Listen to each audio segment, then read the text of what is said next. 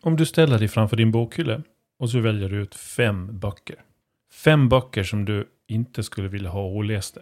Fem böcker som har förändrat någonting. Allt från hur du nyanserar någon specifik uppfattning kanske till de här riktigt stora uppvaknandena. Har du sådana böcker? Vilket skulle det vara? Utan att egentligen ha uttalat det så blev ändå det här det gemensamma temat. När jag och Linus skulle välja ut fem böcker att prata om. Böcker som förändrar.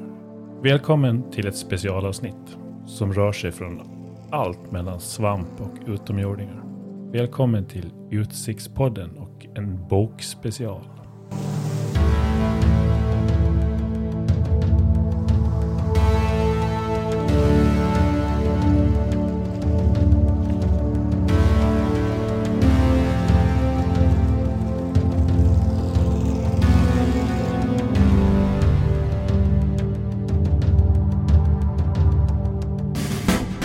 Vi är tillbaka.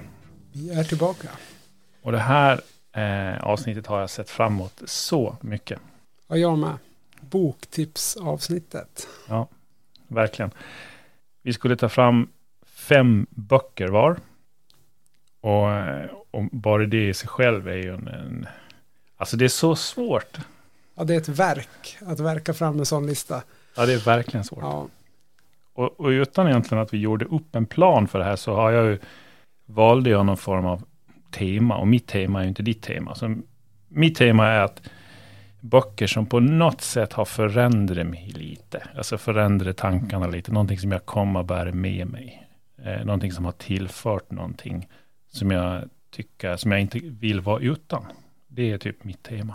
och jag tycker att jag har ett ganska liknande tema. Alltså böcker som har inspirerat och, och, och många av de här böckerna är referenser som jag gör till vardags. Som jag inte riktigt vet eh, hur hade mina konversationer sett ut om man inte hade haft det här i bakgrunden.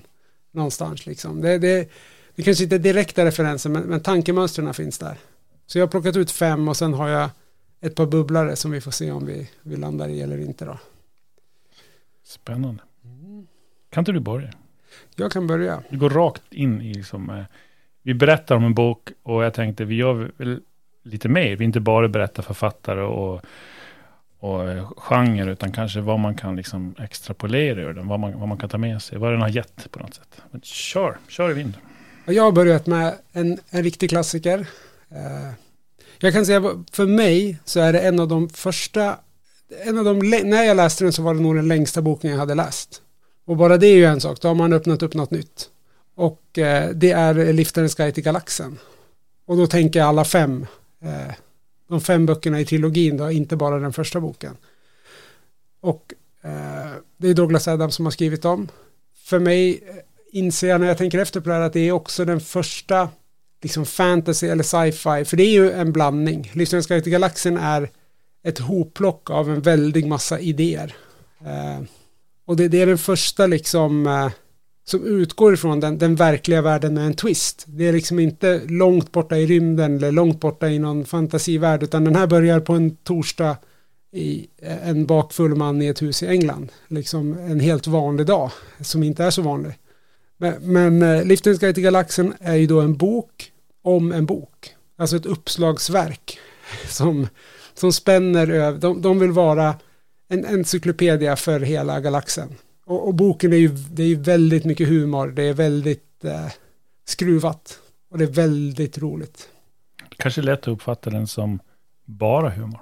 Ja, jag tycker att den, den har, eh, de- den är lite förrädisk med sitt djup. Alltså det, man, man kan ju skämta om allt och den är ju ganska på ytan ganska lättsam. Men, men sen tycker jag det kommer mycket saker. Det, liksom ett återkommande tema är liksom eh, små val som får jätte, jättestora konsekvenser i boken. Det, det tycker jag är intressant.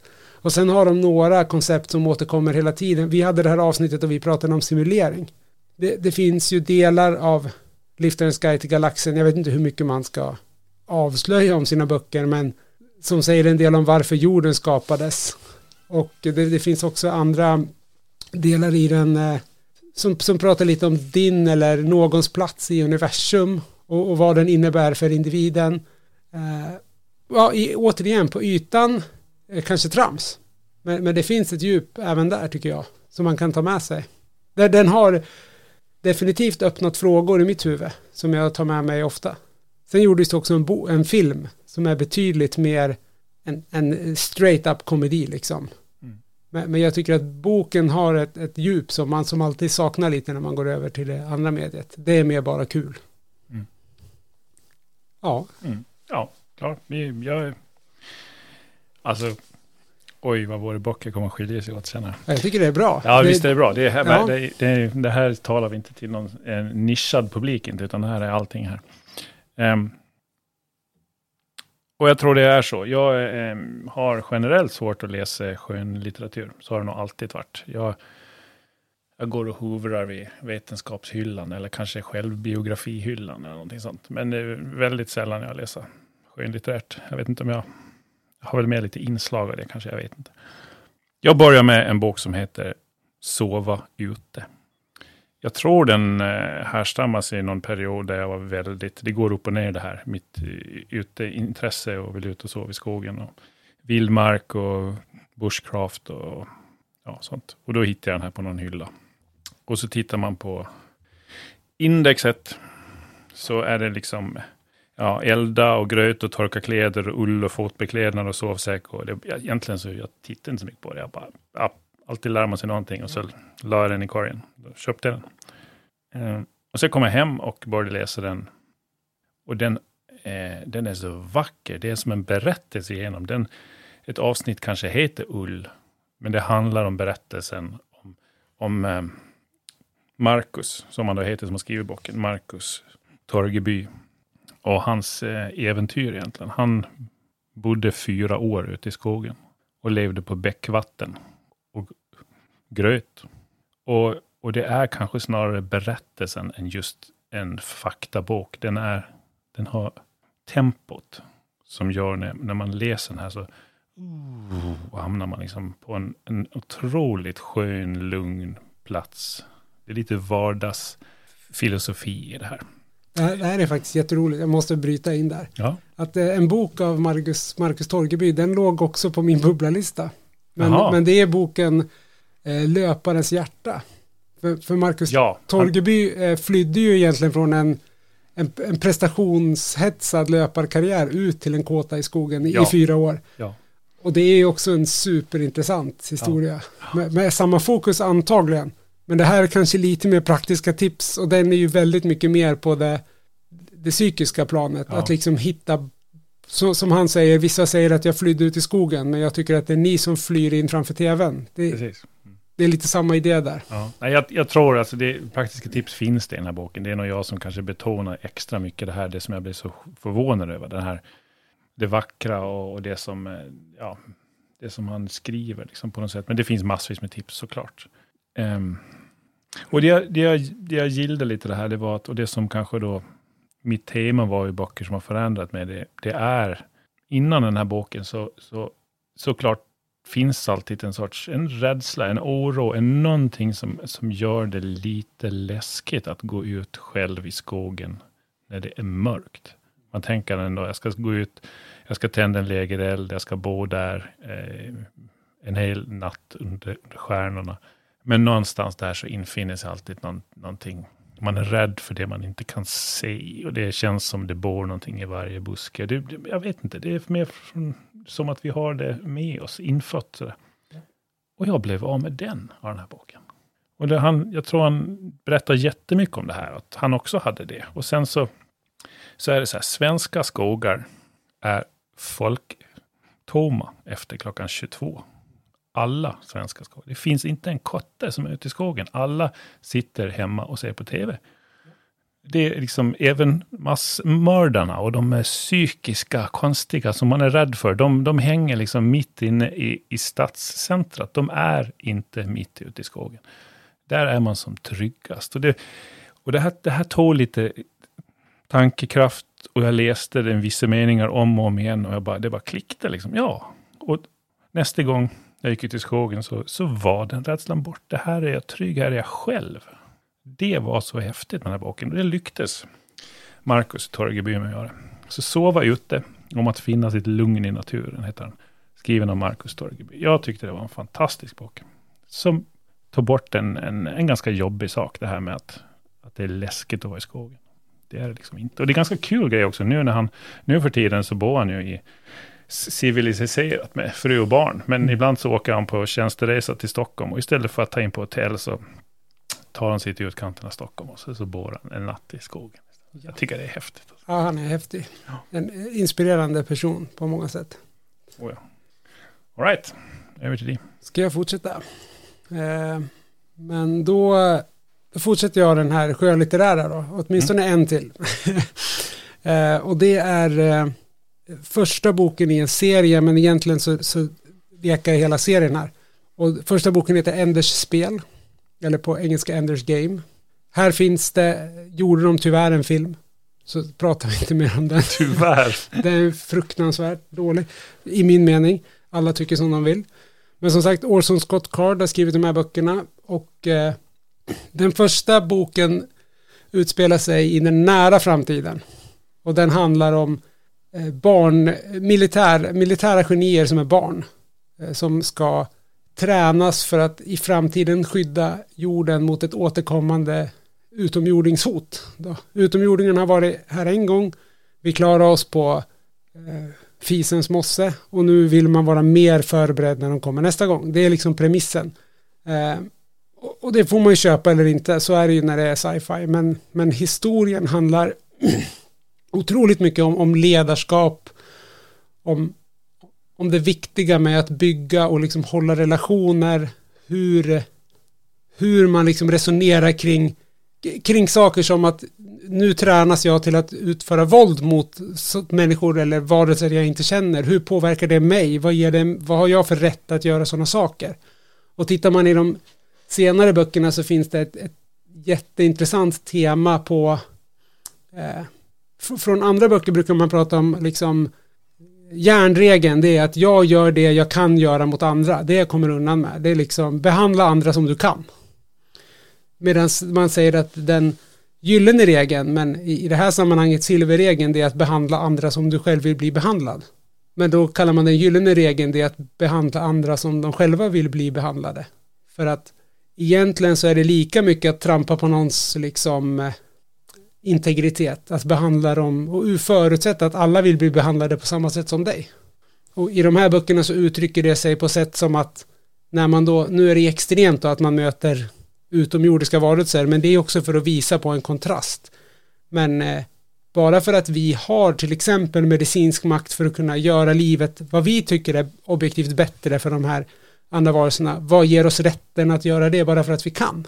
Vi måste liksom möta dem, eh, vi måste möta dem vi möter på deras villkor. Och det tycker jag är en jätteviktig lärdom och det, det har jag med mig från de här böckerna. De är, får, får den punkt, punkten över liksom väldigt starkt bra och, och, bra berättelser också. Stark rekommendation på Enders spel som den första heter och de efterföljande trilogin. Hur gammal är boken? Jag tror att den kom någon gång på 80-talet. De, den första. Så jag skulle säga 80-90. Så, så de, de har några år på nacken men jag tycker att de har åldrats otroligt väl. Och de är, alltså de är dagsaktuella fortfarande. Kanske att några av dem så är det alltid med sci-fi när man pratar om hur tekniken kommer se ut. Så man tänkte att liksom någonting tekniskt avancerat skulle se ut på 80-talet. Det kanske inte är något som vi alls drömmer om idag. Men om man bara liksom ser bort från det så, så håller ju koncepten otroligt bra fortfarande. Ja, Enders, Enders spel. spel. Enders game. Ja. Eh, och, och den, den har ju också format min syn på, på gruppdynamik och ledarskap än idag. Jag, jag, tycker den, eh, man tar med sig extremt mycket av den. Jag, jag, det kan jag nästan garantera. Det är inte, och den är, alltså första boken är 300 sidor. Det är inte något, något mastodontverk. Utan det, det är en, en, ganska snabb, snabb pace också. Det händer mycket. Så den, den eh, tar ett grepp och så vänder man sida efter sida. All right. Jag kör vidare från utomjordingar och till svampar. Och det här är, är en, ja det är väl min bubblare egentligen. Jag, eh, jag brukar behålla mig till eh, fysik och biografier som jag sa, lite fakta, universum och framtiden. Och, och så var det en liten drive-by shooting. Jag gick in på någon biologihylla och så var det någon eh, bok som, hette Svamparnas planet. Och då började jag titta på den och så var det någon eh, som eh, utsade sig att det här är en fin planet vi bor på, men den tillhör egentligen svamparna. Så tänkte jag, ja, varför inte? Jag kanske kan, eh, kan lära mig någonting annat också. Så jag köpte den. Jesper Nyström har skrivit Svamparnas planet. Och jag blev så, eh, jag blev så tagen av allt jag läste i den här boken. Jag visste lite om svampar såklart, men inte på långa vägar. Och den handlar alltså om Jesper Nyström, som han är, var biolog och vetenskapsjournalist och, och var ju väldigt kunnig innan hans dotter en dag ute i en, regnig svampskog på senhösten. När mamman var försvunnen ute någonstans och de står kvar där under när vi kan åka hem egentligen. Men det var kantareller som stod på, på menyn och då får man gå och leta efter. Då frågade dottern då sin pappa när de står där och fryser. Men, men champinjoner kan man ju odla, det köper man ju i affären. Varför kan man inte odla kantareller? Och då tänker han då att, biolog som han är, att ja, jo, det är så här att, och så hade han inget svar på det. Och sen så smyg googlar man lite som man gör som, eh, som en eh, smidig förälder och det finns inget svar på det direkt sådär i skogen. Dålig täckning går väl att skylla på. Men då åkte han hem och så försökte han ta reda på det här. Och där någonstans öppnade sig en, en, en, eh, ett nytt rike för han. Där han blev helt insnöad på svampar. Jag känner igen den här insnöade effekten, jag kan bli så ibland. Och jag hade säkert kunnat hamna där också. Och den här boken är så, man, man ramlar ner i en helt ny värld när man läser den här. Det är från de här små perspektiven till de här riktigt stora. Svamparna är överallt och utan dem så hade livet på jorden knappt fungerat. Det, är liksom, det här är svamparnas planet. Svamp tillhör inte djurriket och de tillhör inte växtriket, utan de har ett eget rike. Man kan säga att de är mittemellan växt och djur, men det stämmer inte heller, för det är verkligen en egen organism. Ja. Det är också världens största organism. Vi har ett exemplar av en honungsskivling i Oregon, som eh, man, man, alltså det som sticker upp ur jorden, det är ju egentligen svamparnas könsorgan, alltså fruktkroppen. Det är det vi äter. När vi gör vår pasta så äter vi lite kön där. Men, men eh, den riktiga svampen, den bor ju nere i marken av det här man kallar mycella-nätverket. Det är som då, det är som en kommunikationstrådar som gör att växter kan kommunicera med varandra. Andra växter, de använder svamparnas nätverk för att prata med varandra och de skickar näring till varandra. Så om, om ett träd till exempel inte har tillräckligt med näring i en skog, då kan de andra träden via mycellanätverket skicka lite, nästan som eh, bistånd till det här trädet, så, så får det också näring. Det är så fantastiskt vad det öppnar upp sig. Och det är det som är svampen. Och den här honungsskivlingen i Oregon är då 1200 fotbollsplaner stor. Den väger alltså så många hundra ton, den här. Som är, det är världens största organism som vi har. Helt otroligt. Ja, och den, den dödar ju hela skogen. Men man har valt att ha kvar den i och med att den är så... Det är liksom en, ett stort monster som bor under i en hel skog. Det är ganska häftigt. Och eh, det är från det här stora perspektivet ner till det här mini, mini, mini. Det bor liksom hundra olika svampsorter på din fot. Eh, så de finns precis, precis, precis överallt. De kan vara våra bästa vänner. De har den största medicinska framgången vi har kommit på är ju penicillin.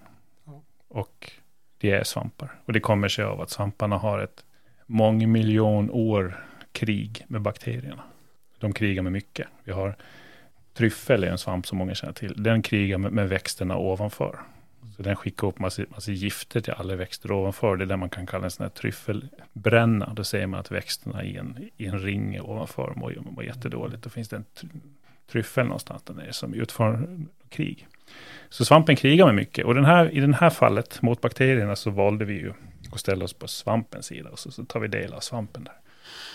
Svampar dödar ungefär 100 miljoner människor i olika svampinfektioner jorden runt också. Så vi, vi är ju inte vänner enbart.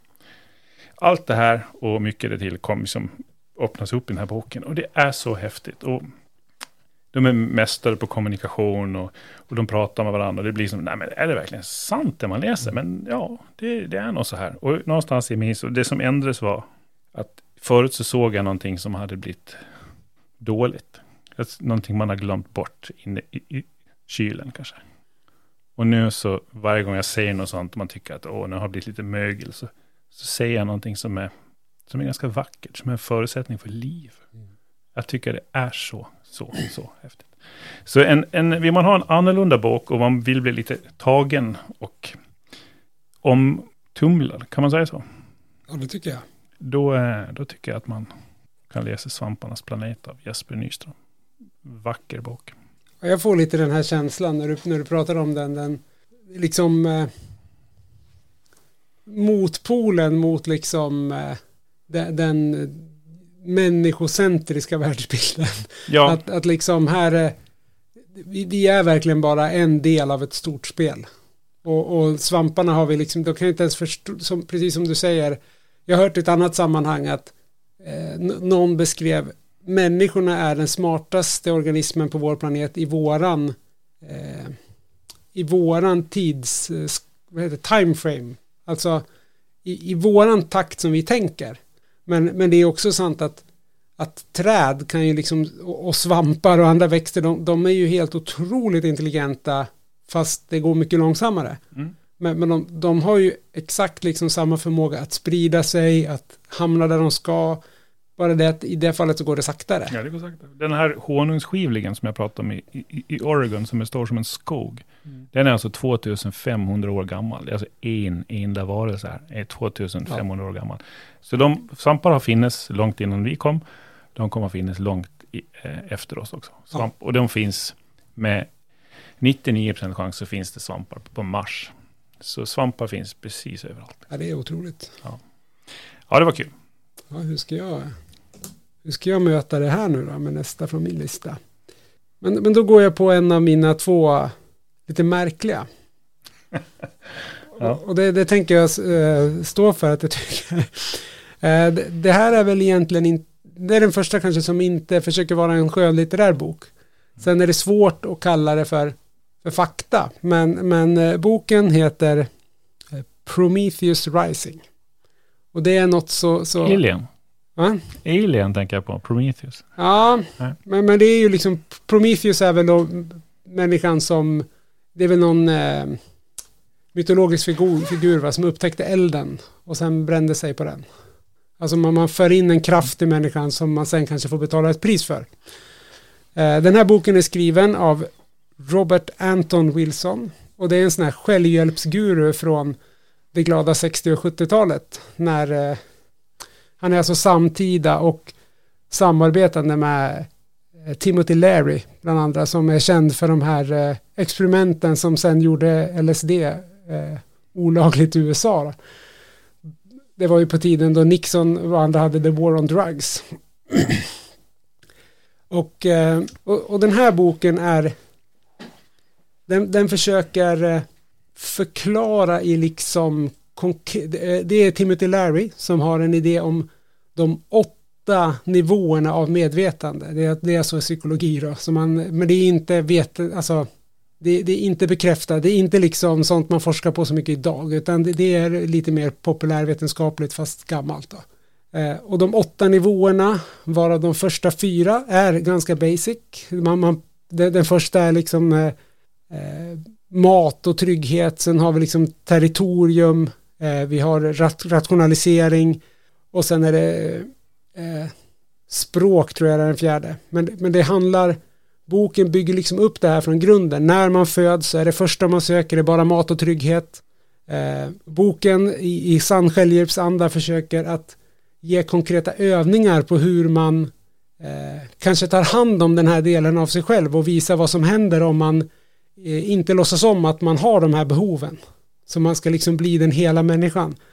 Och, och det kan man kanske tycka lite om man vill om, men jag tycker det är intressant för att den, den, eh, den ger ett annat perspektiv på att förstå sig själv som, som jag tycker är intressant för att den, den liksom tar upp det här med, du söker mat, näring och, och en modersfigur, det är liksom bas ett. Vad händer om du låtsas om att du inte har de här behoven? Ja, men då kanske du äter för mycket eller äter för lite, liksom du får en störning i den delen av din person. Och hur man liksom, att försöka konkretisera det här kort i ett tips är svårt, men, men den ger liksom en, en vinkel och se på det man, man tycker är liksom det mänskliga beteendet fast mer eh, så man kan liksom rationalisera kring det. Varför är vissa människor så otroligt aggressiva och territoriella och känner sig hotade hela tiden? Och hur, hur uttrycker det i sig själv? I dig själv liksom. Eh, det finns något eh, konkret exempel i den där boken där man som övning ska eh, man ska titta på alla människor man möter och bedöma om vi skulle bruka fysiskt våld mot varandra, vem skulle vinna?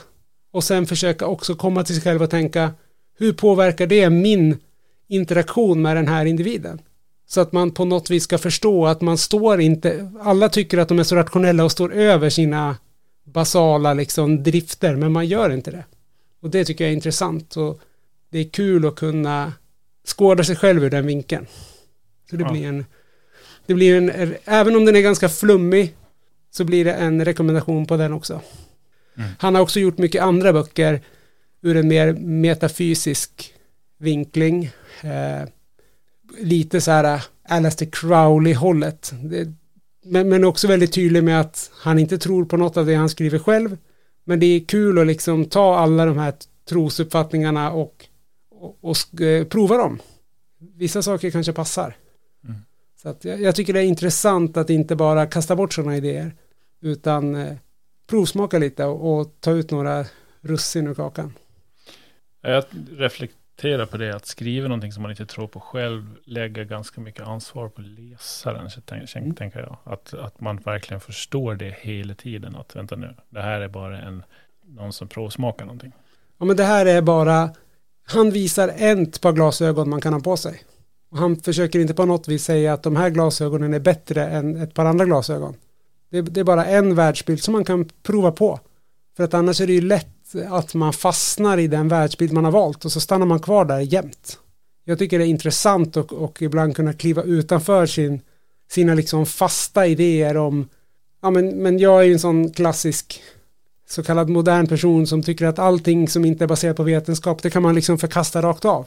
Men det är fortfarande intressant att kunna kliva utanför den rollen och, och titta även på det med liksom samma skeptiska ögon som jag tittar på på icke-vetenskap liksom. Och jag tänker om vi återknyter någonting till eh, polarisering vi pratade om sist så eh, mitt mål är väl att alltid försöka sträva efter någon form av grånyanser. Allt, allt är grånyanser av eh, mer eller mindre och inte den här svartvita skalan på någonting. Och det här kanske hjälper till att inse att, att saker och ting är grå. Ja, jo men det, det är där jag känner att den har, den har, den har gett mig lite det här med att man inte bara ska döma ut allting så, som sant eller falskt, utan ibland så, så behöver man se på någonting med helt andra ord för att kunna liksom förstå att det inte är det behöver inte vara, precis som du säger, det behöver inte vara svart eller vitt. Det kan ligga där någonstans emellan. Det finns inte det som är sant och det som är falskt. Utan det, finns ett värde i, i, i det mesta. Liksom. Mm. Kanske finns lika många falskt som det finns. Ja, och sen är ju frågan om det finns något som är objektivt. Nej, det var det jag menade. Det finns Vare sig sant, som det finns, sant finns eller falskt. Liksom. Ja. Mm. Mm. Vad sa du den hette? Prometheus Rising. Mm. Okej. Okay tillbaka till mig och eh, det börjar en historia. Eh, och jag måste börja eh, långt tillbaka i tiden. För länge sedan så kom jag över en bok som heter Elitstyrka SAS. De är alltså eh, Special Air Force Service. Det är ju Storbritanniens eh, elitstyrka. Och den boken heter då Elitstyrka SAS från ökenkrigare till Ghost Force av eh, Ken Connor som är en pseudonym tror jag. Eh, men han har 23 år i, tjänst bakom sig och skrev den här boken. Och den var lite revolutionär, för det var liksom ingen som hade skrivit om de här hemliga SAS innan han gjorde det på ett sånt fördomligt sätt. Och det är inte den här boken jag ska berätta om, men det var där jag blev intresserad av, av speciellt SAS. Inte så mycket andra Cecil-team och andra elitstyrkor. SAS för att de har en, ett sånt fantastiskt ledarskap. Mm. De kan ta vem som helst. De tar ofta vem som helst nere. Någon kanske outbildad kille från slummen. Han behöver inte göra, liksom det, det finns inget fysiska, det finns fysiska krav såklart, men det viktiga är det mentala. Att det går att arbeta och utveckla. Och sen Eh, där många andra specialtrupper har fem, sex, sju, åtta stycken i sin grupp så är de här alltid fyra. Och de gör allt på fyra och det är så kristallklara roller hela tiden. Och det är så kul att läsa om hur de, hur de tar sig an eh, och den här ledarskapet de har, de här fyra. Det finns ingen som är chef av de fyra, men de har så väldigt specifika, de kan dela upp allt i, i exakt, och de behöver inte prata om det innan de vet att det här tar jag, det tar du. Det här är så kul att läsa, så jag blev lite intresserad av SAS där. Och sen så spårar vi fram några år, jag kan ju rekommendera den boken också såklart, mm. men till, eh, det började ett tv-program eh, som går där, det finns även en svensk version nu, där, där folk får prova att vara elitstyrka. Mm. Eh, och den brittiska förlagan då, är, där finns en kille som heter Anthony Middleton, kallas för Ant Middleton. Um, som gjorde några år i SBS då, som är Special Boat Service. Det är samma som SAS, det är bara ett, de, eh, ett annat förband. De har samma utbildning, samma krav, samma... Och så vidare. Ant Middleton har en häftig karisma, vilket gör att han, han blir lite, lite så här, en cool kille, han kan mycket. Eh, men han kan också skriva böcker, så efter sin, liksom, sin militärkarriär så började han göra böcker. Den första boken han gav ut heter First Man In, Leading from the Front. Och jag var ju snabb att köpa den, utom att det handlar om ja, SAS då, och, och sen eh, uttryckligen då ledarskap. Mm. Det finns ingen som föds som en ledare. En ledarskap är någonting man får. Det är någonting någon annan utser, ger dig en gåva som du ska förvalta. Mm. Och sen så kan du förvalta den på olika sätt. Men han, det här handlar om, om, precis som det här jag pratade om egentligen i första boken. Det är ledarskapen, han sätter det på ord, han sätter tryck på det. Han berättar om hur det är att, att vara i fält och att leda. Även om sig själv och så. Men efter det, då gav han ut två böcker till. Och det är en av dem jag ska prata om. För det handlar om ja, det är lång väg dit, men jag vill liksom dra bakgrunden. Ja. Smyga in massa ja, extra tips också. Ja, jag måste smyga, jag har fler böcker än du egentligen. Eh, de, få, de två böckerna som han, han sa, det finns, det finns två saker man måste ha med sig när man ger sig in i, i det han har pysslat med under sitt liv. Men även om du ska bestiga Mount Everest till exempel. Du måste kunna hantera rädsla och du måste kunna hantera negativitet. Och det är de här två böckerna han skriver ut. The Fear Bubble och Zero Negativity. Mm. The Fear Bubble läste jag. Och den, när den första boken, First Man In, kanske handlar om le ledarskap, så handlar Fear Bubble om självledarskap. För någonting som vi människor har är rädsla. Vi har rädsla från vi föds till vi dör. Vi har rädsla för allt. Och det är hans sätt, som han säger själv att han har kommit på. Eh, oklart, spelar ingen roll för mig. Jag, jag, jag läser det han, det han säger och jag bara känner att det här måste jag förprova. Jag måste göra det här, jag måste göra de här teknikerna. Jag ska inte man ska väl inte sitta och berätta böckerna, men jag måste ändå göra det för att kunna förklara mm. vad det är som var så mäktigt med boken. Och det är så här, först så måste du göra dig av med alla generella rädslor du har i livet. Vi kan ju sitta här nu och vi kan vara rädda för att, för att vi ska få cancer och att vi ska dö av det. Mm. Det är någonting som, ja, det är klart att det kanske kan påverka det med på, på sikt beroende på vad jag äter och så, men, men vi får nästan skala bort det här lagret som vi egentligen inte kan påverka på den nivån, alltså en blixt i huvudet.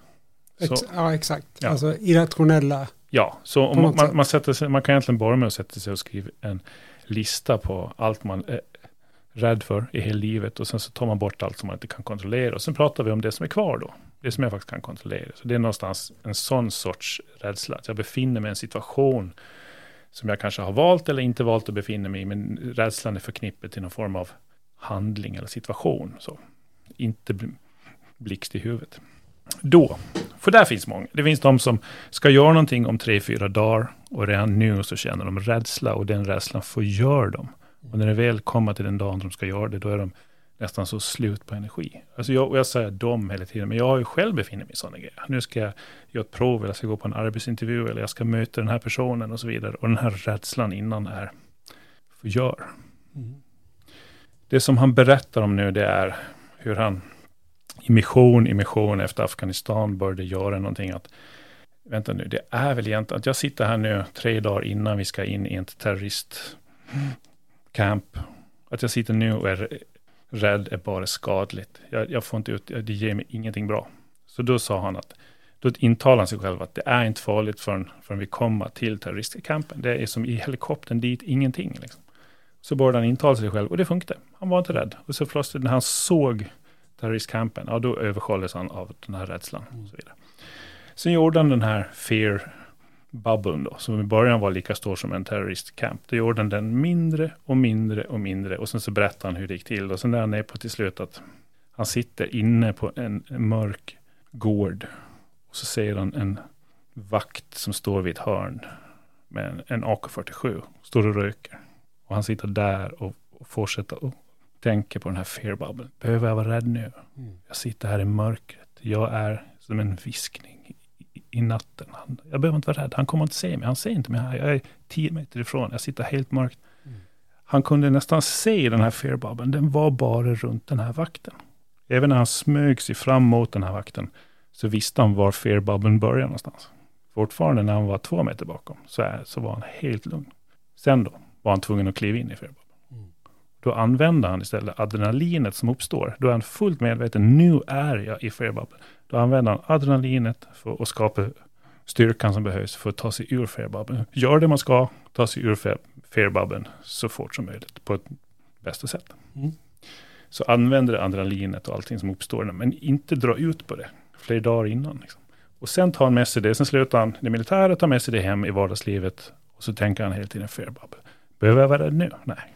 Jag vara rädd nu? Nej, egentligen inte. Här är inte farligt. Det är inte farligt förrän, och sen så kan man nästan visualisera det. Där behöver jag vara rädd. Men inte nu. Och den här har jag, det sa klick i mig och jag har tagit med den och den har gett mig fantastiskt. Så The Fear Bubble finns på svenska också. Eh, och om man inte, om inte vill läsa på engelska, riktigt bra bok. Det låter väldigt, väldigt intressant. Jag, jag själv är inne i, i det här med, med hormoner tänker jag mycket på.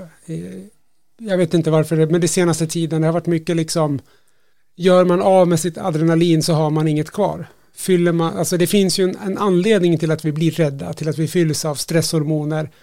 Eh, i, I begränsad mängd är ju stress bra för oss. Men i för stor mängd så är det inte bra för oss. Så det är lite precis det, den känslan får jag som du säger att om jag har någonting som stressar mig, där jag vill, vill kanske leva på ett visst påslag i stunden. Om jag, om jag går och mjölkar det adrenalinet i tre dagar innan, då är ju kroppen slut när jag kommer in i skarpt läge. Och, ja, jag kanske inte har tänkt så med just rädsla, men jag har tänkt så med andra saker, men, men det är väldigt intressant.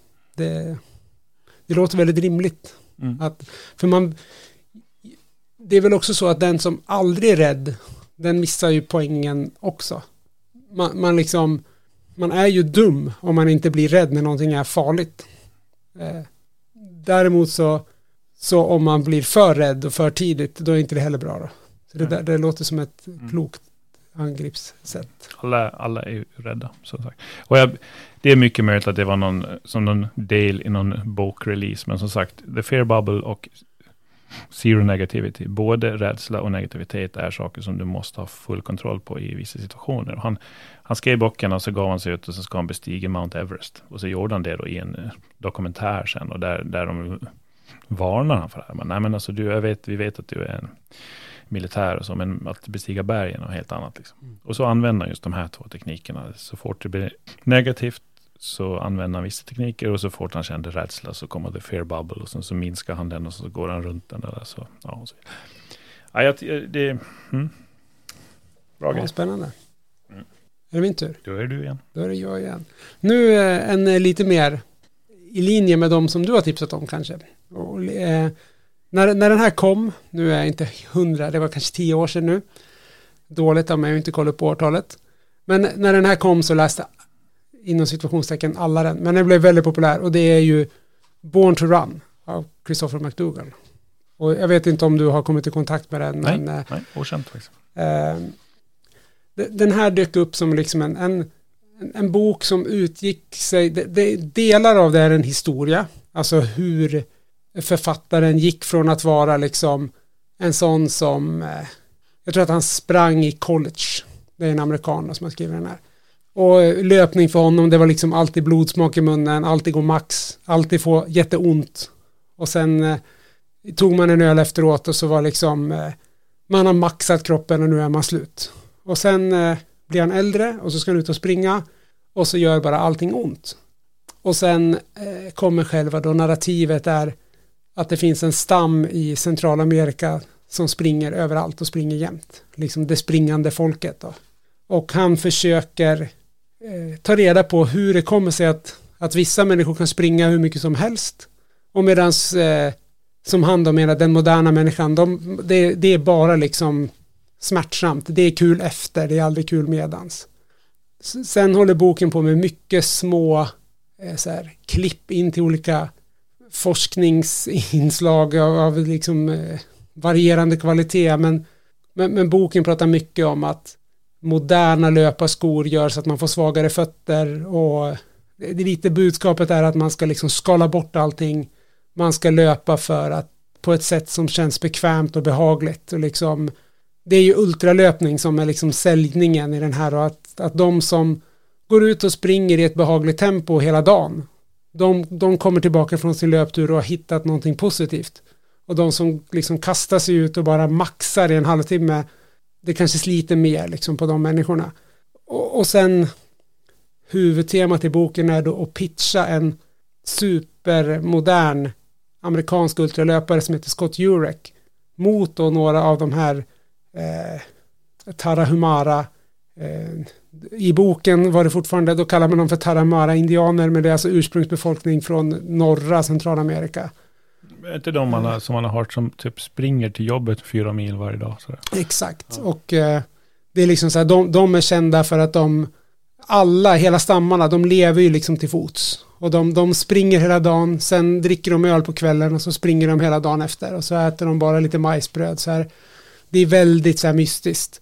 Men, men sen handlar allt om att liksom pitcha då de här man ska ha de bästa ifrån den gruppen och de bästa liksom moderna ultralöparna och så ska de få mötas då i ett, i ett lopp nere i, i den här ravinen då där de här, där det här folket bor då nere i Mexiko.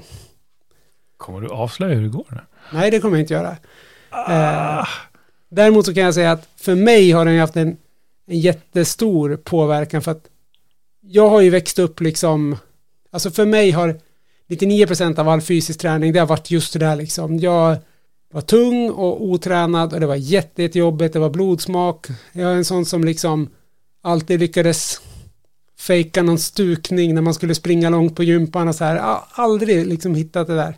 Sen läste jag den här boken som i stort sett liksom säger att spring, liksom tassa fram, ta det lugnt, det får ta den tid det tar och helt plötsligt låser man upp någonting nytt. Man, man, kan börja springa och man kan räkna sig som löpare fastän det går hälften så fort som det är på tv eller en tredjedel av den farten som de har när de tävlar på tv.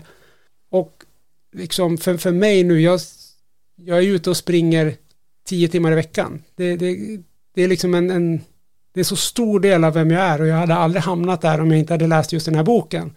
Och nu vet jag inte hur mycket jag vill säga om det egentligen. Jag, jag debatterade lite med mig själv men jag, jag, får nog säga ändå att en del av det som man kallar för liksom forskning och avslöjande i den här boken, det, det, det kanske man ska ta med en nypa salt. Men, men, men när jag läste den första gången, då svalde jag allt det med hull och hår. Och, och det gav mig verkligen någonting.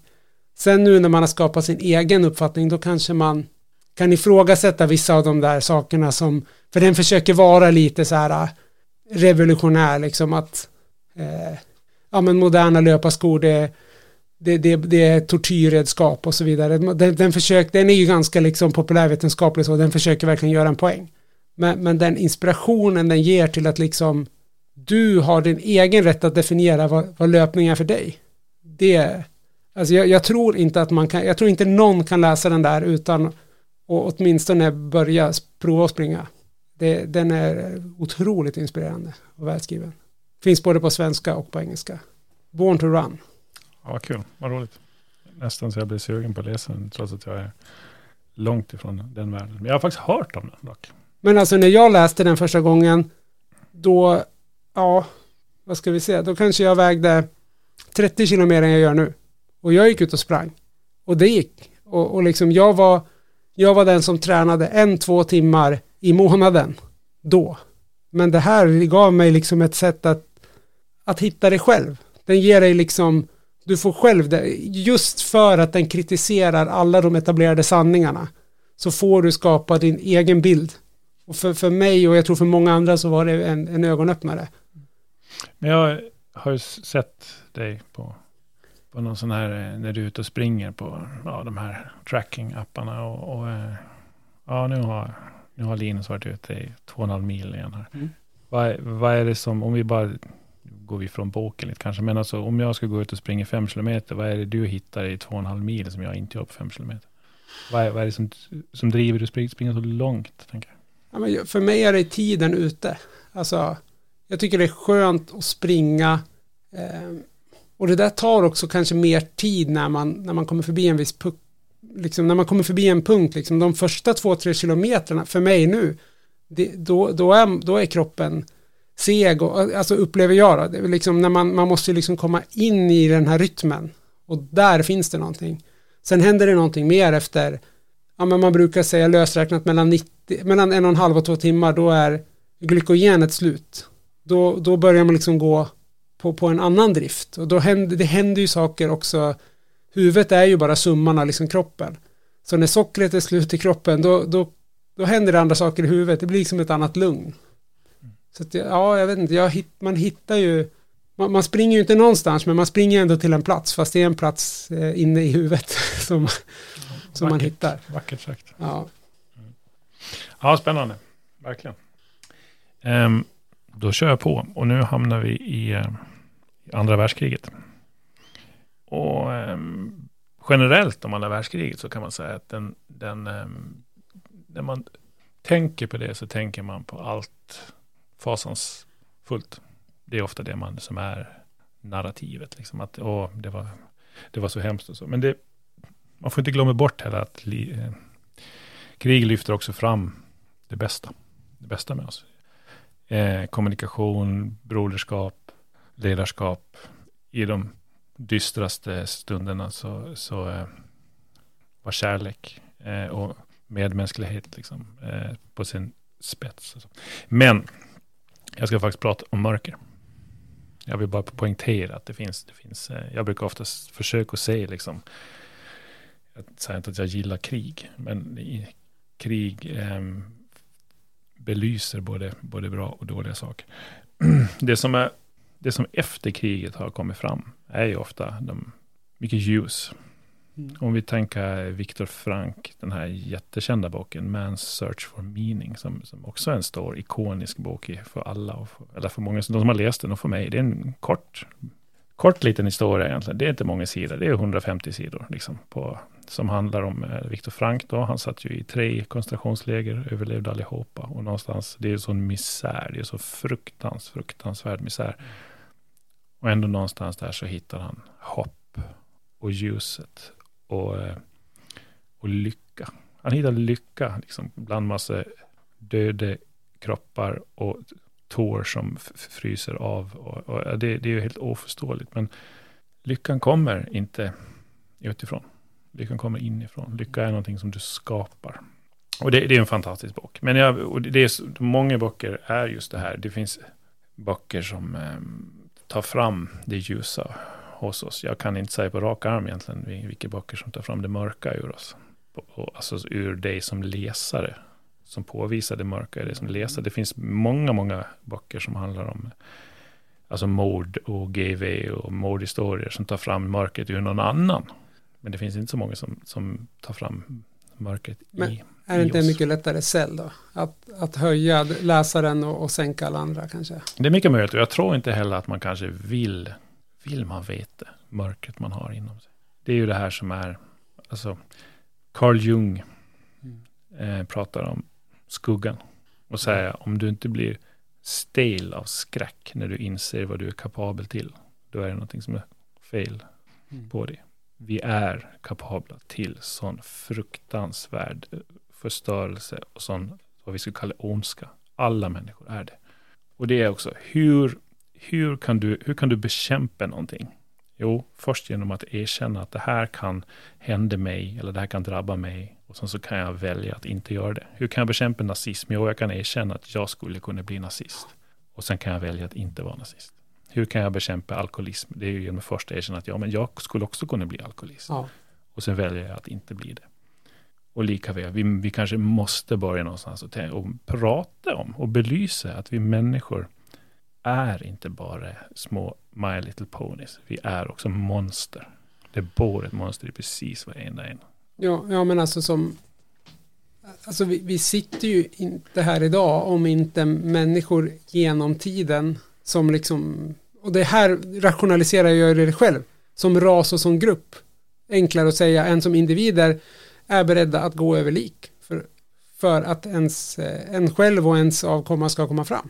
Absolut. Alltså men, så är det ju. Och det, men du är inte bara beredd att gå över liken, du är beredd att göra så att det blir ja, likt så att det det. blir, ja men alltså det, så är det ju. Ja. Och, men det är mycket enklare som jag säger att säga att, att det finns de som krigar för min rätt. Mm. Men, men i grund och botten så är jag också beredd att göra det. Mm. Alla har ju slagit ihjäl en geting för att den inte ska sticka dig. Mm. Även fast den inte har stuckit dig.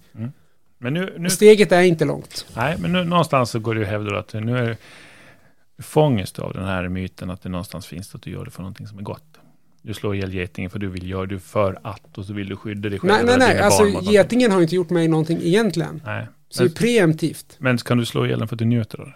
Alltså någonstans så blir det ju det att jag slår ju inte ihjäl Någonstans går jag över gränsen att jag slår inte ihjäl getingen för att den är rädd för att sticka mig utan jag gör det för att det är ganska skönt att bli av med den. Mm.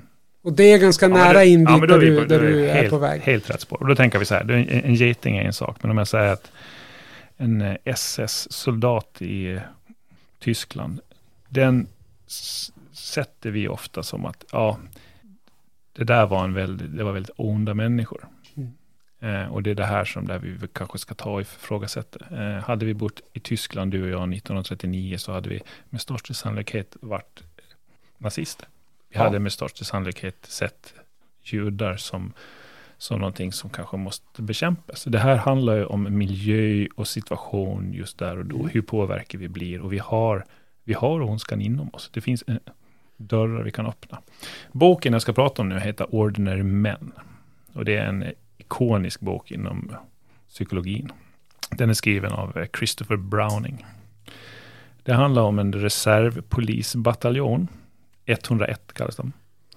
Och det här har, det finns en, jag måste förklara vad en reservpolisbataljon i Tyskland 1939 var. Jo, det var för de som inte ville, ta, eh, ville bli uppsugna av armén. De ville inte, de ville inte kriga. De var inte nazister, de var inte SS, de var inte de var murare, de var busschaufförer, de var lärare, de var allt möjligt. Men för att, för att slippa då kanske råka ut i krig, då skriver man upp sig som reservpolis istället. Så blir man inkallad, om det, för det kunde aldrig bli. Men då vill jag hellre bli inkallad till polisiär verksamhet istället för att bli inkallad till militär verksamhet. Ja. Det är ett val som, ja men det, den gör ju, det valet gör den goda människan. Och sen så blev de in, inkallade då. 500 personer, från, eh, mestadels från Hamburg. Och så sa de att nu kommer ni få ett jättespännande uppdrag. Ni ska åka till Polen och ni ska polisa i Polen. Ja, så de tog farväl av sina familjer ett tag. Det här blir ett, ett gig, liksom. Så de åkte iväg och gjorde.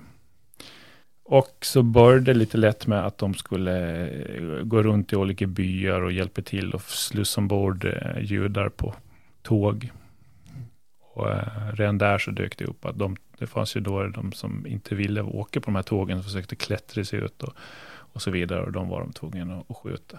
Helt enkelt. Mm. Fruktansvärt, många mådde jättedåligt bara där. Någonstans så var det, det ingick i den här tidens poliserier och göra sånt. Och sen blir det värre och värre. Och de, de em, hamnar i, det de, de får order som är värre och värre och till slut så, jag ska liksom försöka låta bli egentligen berätta boken, för den är läsvärd, men där de eh, 1500 judar i den här byn ska ut i skogen och så ska de skjutas av. Och eh, rakt ner i gropar som judarna själva hade fått grävt.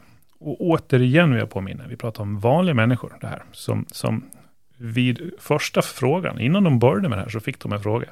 Det, här, det verkar som att det här spännande uppdraget var inte så jättespännande, utan det handlar om att vi ska ha ihjäl massa judar. Jag tänker att det tvingar er till det här, de kan resa upp och gå. Och sammanlagt där på det, det under första förfrågan så var det ungefär tio stycken som reste upp och gick. De andra gör inte det, för det finns en stämpel där, som är att man är en riktig vekling om man gör det. Det finns en gruppmentalitet där. Så de gjorde det, och det första avskjutningen de hade det här, det var ju, de, då stod, de sköt och de kräktes och de spydde och de mådde så dåligt och de gjorde, det, det var fruktansvärda eh, grejer som utspelades i den här skogen. Inte lika hemskt nästa gång det hände och nästa gång det hände. Det är ju en, en härdningseffekt på det här. Och det finns en förklaring också varför det blev så här. Men de fick, till, till slut så var det 10% som inte klarade av att göra det här jobbet. Ut, alltså av allt det de var med om. Det var Mm. så mycket hemska saker som hände här. Där de står och sk- sköter gravida kvinnor i nacken. Liksom, så de blir nedstänkta. Och de försöker bara stå rätt så de inte ska bli för ne- nedstänkta. Det är fruktansvärda grejer som händer. Och det är vanliga män som på frågan är, "Du, ni får, ni får låta bli det här om ni vill. Och det är vanliga busschaufförer, murar och allting. Det går inte att säga att det här var eh, några speciella sorts människor. Som att ja, nazister och... De var inte nazister. De var ingenting sånt. Det var helt vanliga människor. Och det, det enda som går att säga det är att vi har den här ondskan inom oss. Under rätta förutsättningar och att om det går att göra någon annan uppifrån lite skyldig på det här hemska vi tvingas göra, det är egentligen inte vi som är skyldiga. Så kommer hjärnan och hjälper till med de lösningarna som behövs. För att vi ska kunna rättfärdiga det för oss själva. Det var två stycken som alltid gick ut, gick ut och sköt i par. Och när de skulle göra sig av med mammor och, och, och, och barn. Och där, där den ene sköt barnet som en god gärning, för han kommer ändå inte klara sig utan mamman. Och den andra i sitt huvud tänker, jag sköter mamman, för hon kommer att vilja leva efter, han min kompis har skjutit hennes son. Så båda gjorde bra gärningar för sig själva. De var tvungna att rationalisera den här hemska uppgiften som deras överordnade sa att de skulle göra. Men de, de kunde ändå rationalisera den. Ja, de kan. och, och då de, finns de, det ju, som du säger, någonting där inne de förstår. oss. Alltså, ja, de förstår själva att den här rationaliseringen räcker inte hela vägen. Men den är bättre än noll. Mm. Så de tog det lilla de hade. Det är en liten rationalisering. Det är i alla fall, om det, om det finns 100 fel så gör jag inte 100, jag gör 99 fel. Det är, väl, det är ett bättre i alla fall. Och de ville egentligen inget annat än att inte göra det här. Men vad, vad, vad gör den här, varför ska man läsa den här boken? Jo, jag tror att man någonstans ska, ska veta om att vi har en möjlighet att vara monster. Andra som det ger det är att det finns en sån otroligt tydlig, bra skillnad på att förstå någonting och att hålla med om någonting. Ingen av de här håller med om det, det de gjorde. Men det går att förstå dem att de gjorde det. Det går att förstå varför de hamnade i situationen. Det går att förstå dem, men det går inte att hålla med dem. Och det här tycker jag, det kan man ta med sig 2022, idag, på, på någonting. Jag kan förstå någon som gör någonting hemskt. Men jag behöver inte hålla med det, för att jag förstår det. Det, det är väl väldigt, precis som du säger, det är väl otroligt viktigt. Alltså, ja, men jag, jag, jag köper den här tanken att även den, den nu stämplar vi det då, men även den ondaste av människor rationaliserar ju sitt beteende som någon, det, det finns ju någonting gott som kommer av det i deras huvud också. Det måste man ju förstå. Det, det finns ju det finns väl ingen, ingen som gör någonting som de på, på alla sätt och vis är, eh, som går emot allt de tror. Utan, utan precis som du säger, även där liksom, man, på något sätt rationaliserar man det. Det, det är ju en, det spelar ju liksom ingen roll vad, liksom, är, man, är man nazist idag så, så är man ju det för att man på allvar tror att de människorna man håller om ryggen med den ideologin, de kommer ju få det, de är ju hotade. Det, det är ju uppenbart att det jag gör, det gör jag för att göra det bättre för de människorna som behöver hjälpen. Det, det är ju ett resonemang som, som vi kan ha på båda sidor om skiljelinjen antinazist och nazist. Båda tycker vi ju egentligen samma sak. Mm. Det, det är lite svårt att säga att den, i, i min världsbild så är den ena personen god och den andra ond. Men, men de rollerna har ju antagligen skiftat på deras Mm. sida av linjen. Mm. Mm. Tillbaka på det där med objektivitet. Ja, men absolut. Och jag, jag tycker bara att den, den, det är viktigt att förstå att det finns ett mörker i alla. Det är viktigt att förstå ett eget mörker. Att du inte någon gång blir överraskad över ditt mörker. Jag tror många vet om att de, har, de kan ha mörkertankar och så vidare. Men alltså vad vi är kapabla till. Vi är inte bara kapabla till fruktansvärda handlingar. Vi är kapabla till och med njuta av fruktansvärda handlingar. Eh, och, och det här är, det, vi, vi måste vi måste förstå det om vi, om vi ska kunna ha en möjlighet att stoppa det. Om vi ska kunna ha möjlighet att, att kontrollera det som är hela, hela jaget. Det, det känner jag mig så övertygad om. Ja. ja, det finns så mycket man kan prata om det här. Men jag, jag Det är nästan, ett, det är nästan en timme i sig själv där. ja, eh, vad är, precis, vad är ondska? Jag har velat haft ett, en, en, ett sånt avsnitt länge där, där jag hävdar att det, ondska kanske egentligen inte finns, utan det är bara olika synsätt på saker och ting och grad av egoism. Eh, bristen på att kanske känna empati och så. Det finns mycket man kan, men ondska, nej. Det finns ett mörker, absolut, om vi ska välja att kalla det det som Jung en gång sa. Och, och vi har det allihopa. Så det finns en, en kul eh, en bibeldragning där. Det finns en gammal tes med The meek shall inherit the earth. Och som jag tror under några hundra år så har vi översatt meek med de svaga ska ärva jorden. Eh, vilket inte egentligen är eh, rätt. Det, det, den översättningen har nog inte färdats så bra genom århundraden. Utan the meek är då baserat på den som har svär, svärdet eh, kvar, nerstoppad i sin skida. Det är liksom the meek. Och de som, alltså de som har svärdet i skidan, de som inte drar svärdet, det är de som ska ärva jorden.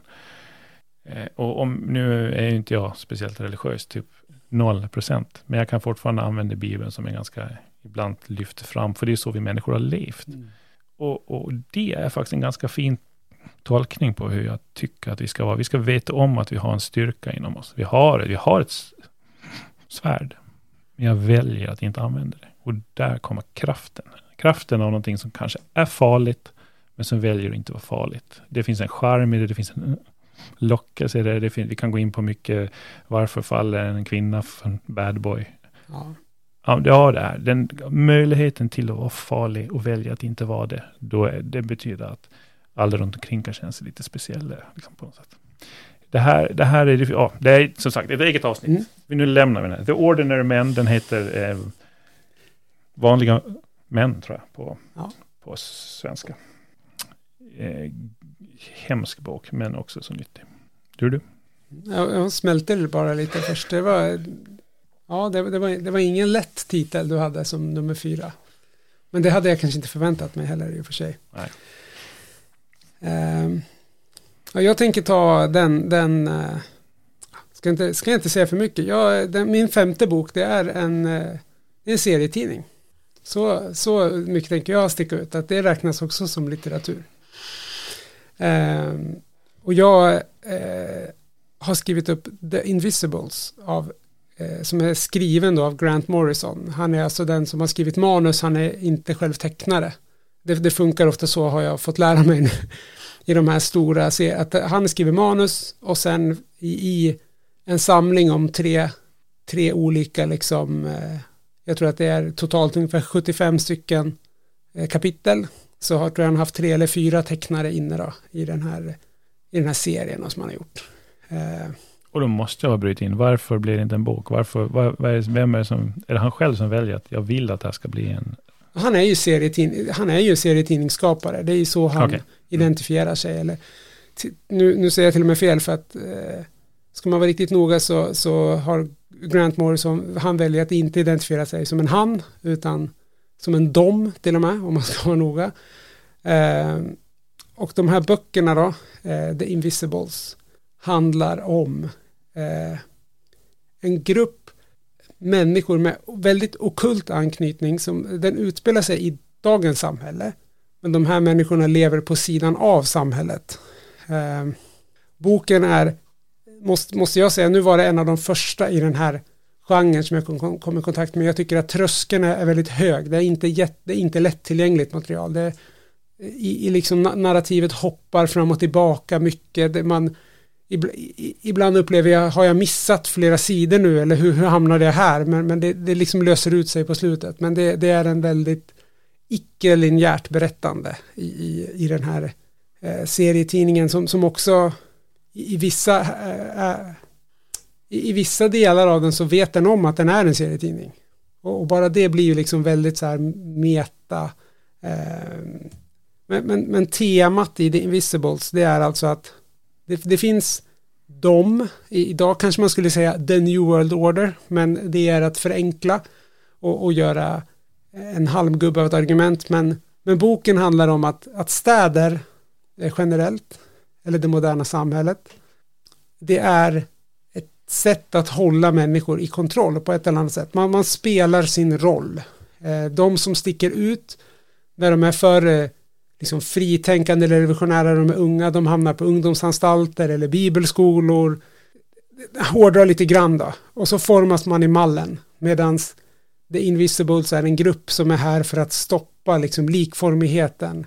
Där alla bara finns till för att sko dem som liksom sitter på toppen av det här. Och, och bara, och, och de här människorna beskrivs lite som vi var inne på i den förra boken, de som sitter på toppen, det är liksom sådana som, som äter människor bara för att de kan. De, de kommer undan med allt. Och vi vanliga människor, vi kan liksom se rakt på dem, men det är inte okej okay i vårt samhälle att liksom notera det, så man går bara vidare med sitt liv då. Eh, jag tar med den här för att den liksom öppnar upp, tycker jag, återigen liksom ett sätt att, att välja att vara lite annorlunda. För här är det liksom, så länge du matas med liksom mat och tv och eh, liksom, det är lite som den, den, the brave new world. Du, du är i en värld där alla har det hyfsat bra, i alla fall i västvärlden då. Så det finns liksom ingen som klagar. Sticker man ut huvudet så är det en risk. Så man håller liksom ner huvudet och så eh, man vänjer sig med det som är jobbigt. Man liksom man går hem och sitter och kollar på Netflix åtta timmar och så kallar man det för ett liv. Det, det är lite det som den här boken försöker vara en antites till.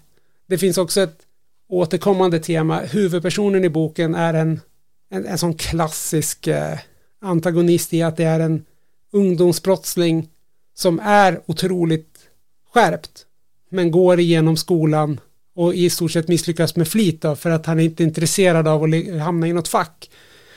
Men, men ur hans perspektiv så handlar den här väldigt mycket om att acceptera, som vi var inne på i den förra boken, sin mänsklighet, att han reagerar på allting som händer mot honom med ilska. Men egentligen så, så kanske han behöver ta ett steg bak och acceptera att han är egentligen ledsen för att hans mamma inte ser honom, han har ingen pappa i sitt liv. Men det blir liksom ett utåtagerande, men det handlar mycket om att han måste acceptera att en hel människa också både kan skratta och gråta. Och jag, det för mig, det, det, är väldigt uppenbart, men i den här boken så, så visar man det på ett sätt som inte riktigt går att blunda för. Den är väldigt, eh, lite som den här eh, Prometheus-boken, det, det, är, man kanske måste vara öppen för, eh, den är ganska drogliberal, det är ganska mycket liksom eh, alkohol, det, det är, väl, alltså det är väldigt, eh, väldigt olinjärt, men jag tycker att den det är en upplevelse. Jag säger precis som vi sa när vi började den här avsnittet, det är en bok som tar man sig från A till B, den, då är man inte samma person när man ser tillbaka i backspegeln efter det. Den, den tvingar en att liksom bemöta sig själv och sin, sitt samhälle liksom på ett sätt som är väldigt friskt, tycker jag.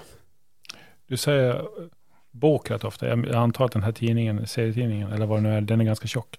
Ja, det jag tror att det är ungefär tusen sidor om man läser alltihopa pärm till pärm. Wow. Mm. Så det, det är ett, eh, en gedigen klump. Så det är inte den, liksom... Och den hittar man inte på en... Man hittar den på science fiction-bokhandeln ja, som mm. samlingsvolym. Mm. Där kan man liksom köpa alla i en stor.